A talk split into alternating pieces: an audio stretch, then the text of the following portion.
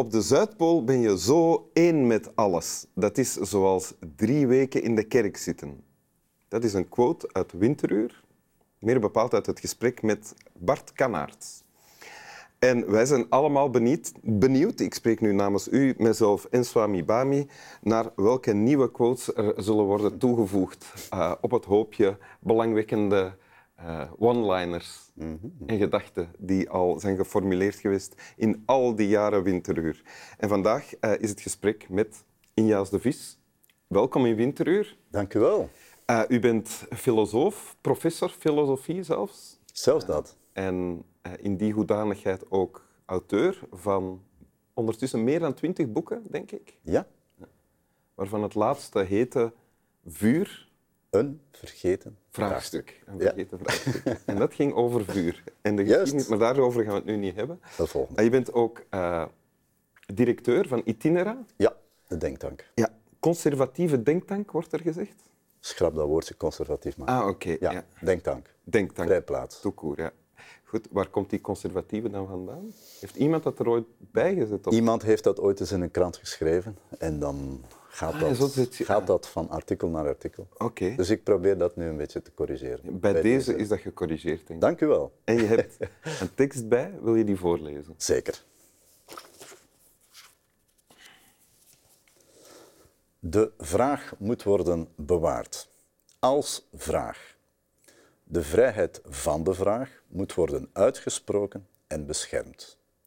Een gevestigd verblijf, een verwerkelijkte traditie van de vraag die vraag gebleven is. Als dit gebod een ethische betekenis heeft, dan komt het niet doordat het tot het domein van de ethiek behoort, maar doordat het uiteindelijk elke ethische wet in het algemeen machtigt. Oké. En dit is van Jacques Derrida. Dit is van Jacques Derrida. Ik heb de Nederlandse vertaling mee van een tekst. Violence Ja. in metafysiek, geweld en metafysica.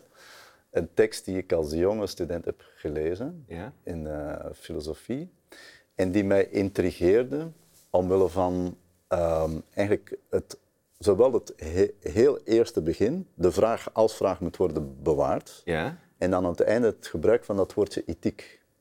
Ja. En dat vond ik zeer interessant, omdat het punt eigenlijk is, het is van belang om niet alleen snel antwoorden te zoeken op vragen die nog niet uitgeklaard zijn, Ja? maar ons eigenlijk eerst af te vragen, letterlijk, ik zal nu veel het woordje vraag gebruiken, Ja, ja. hebben we wel de juiste vraag gesteld, hebben we het probleem goed gezien? Ah ja. En net daarom gebruikt ook het woordje ethiek om te zeggen, wij moeten die openheid hebben om niet te snel in één richting onze antwoorden te gaan zoeken, maar ons telkens weer afvragen, kijken we wel op een goede manier naar het probleem? En om te weten of we op een goede manier naar de problemen kijken, moeten we de vraag of de vragen die we daarover stellen zo helder en precies mogelijk formuleren.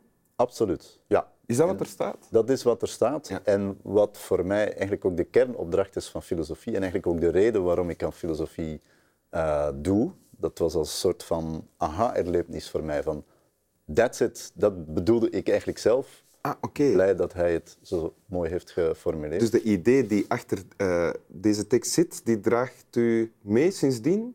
Ja, voor mij is filosofie een vorm van samen luidop nadenken. Proberen de moeilijkheden van onze tijd of van vroegere tijden op scherp te krijgen. En dat doen we natuurlijk niet alleen. Want ik vind samen nadenken met anderen cruciaal. Publiek debat is voor mij Ja. een, een absolute voorwaarde om met filosofie bezig te zijn. Ja. Dus we delen de vragen en we gaan samen op zoek naar de antwoorden in de ideale wereld. En is dat dan iets dat u meeneemt? Want u, u bent ook aanwezig in het publieke debat hè, als columnist of als eh, eh, gast in, in de afspraak enzovoort. Eh, zit dat dan altijd ergens te zinderen? De vraag van, worden hier wel de juiste vragen gesteld? Ja, ik denk het wel. Ja. Voor mij is dat in feite wel de voorwaarde om, om minstens te proberen goed met filosofie bezig te zijn. Omdat er inderdaad wel een tendens zit om heel snel het probleem op te sluiten en dan worden experten opgevoerd die op een heel nauwe manier naar de zaak kijken en dan lijkt het probleem van de baan. Kan u daar een voorbeeld van geven? Wel, om maar het thema te nemen van de laatste 18 maanden, eh, COVID. Hè. Er zijn heel veel momenten geweest waarin het niet meer ging van moeten we dat wel doen, maar in welke mate zullen we dat doen? En de vraag naar de vraag is dan eigenlijk, van, maar wacht eens even, uh, is dat nu wel de juiste optie die we moeten nemen vooraleer we ons afvragen in welke mate we iets moeten uitvoeren, zoals wel of niet vaccinaties, wel of niet mondmaskers, van de eeuwigdurende verhitte debatten? Ja? Uh, is het wel van belang dat we denk ik ons eerst afvragen hoe kijken we nu naar dat probleem? Waar komt dat vandaan? Dat is een virus. Heeft dat te maken met ons ingrijpen in de natuur? Wat kan dat dan allemaal met zich meebrengen? En we moeten dat niet alleen benaderen als een soort van managementprobleem. We moeten dat natuurlijk beheersen, dat is nogal duidelijk. Ja. Maar naast die beheersingsvraag vind ik het ook cruciaal ons af te vragen wat maakt nu eigenlijk dat we op dat punt gekomen zijn dat zo'n virus op twee maanden tijd de hele wereld aan het rondreizen is. Ja. En hoe, wat vertelt ons dat? Hoe, hoe kunnen we daarmee omgaan? Hoe moeten we daar fundamenteel over nadenken. En is het u gelukt om die vraag dan uh, aanwezig te maken? Ik hoop het. Ja. Um, hoewel het publiek debat zeer uh, moeilijk is geweest de laatste anderhalf jaar, nog verhitter dan anders. Ja, omdat het um, allemaal zo ingrijpend was voor de levens van iedereen natuurlijk. Ja, ja, het komt binnen in je dagelijks leven. Het is zeer ingrijpend, het is zeer negatief. Niemand ondergaat, denk ik, graag een uh, lockdown van een half jaar. Dus ja? je, je wil uitbreken. En het is een interessant contrast met de periode daarvoor, want toen was de klacht vrij algemeen dat we het veel te druk hadden en veel te veel stress en dat we mhm. dringend even rustig thuis moesten blijven zitten. Ja.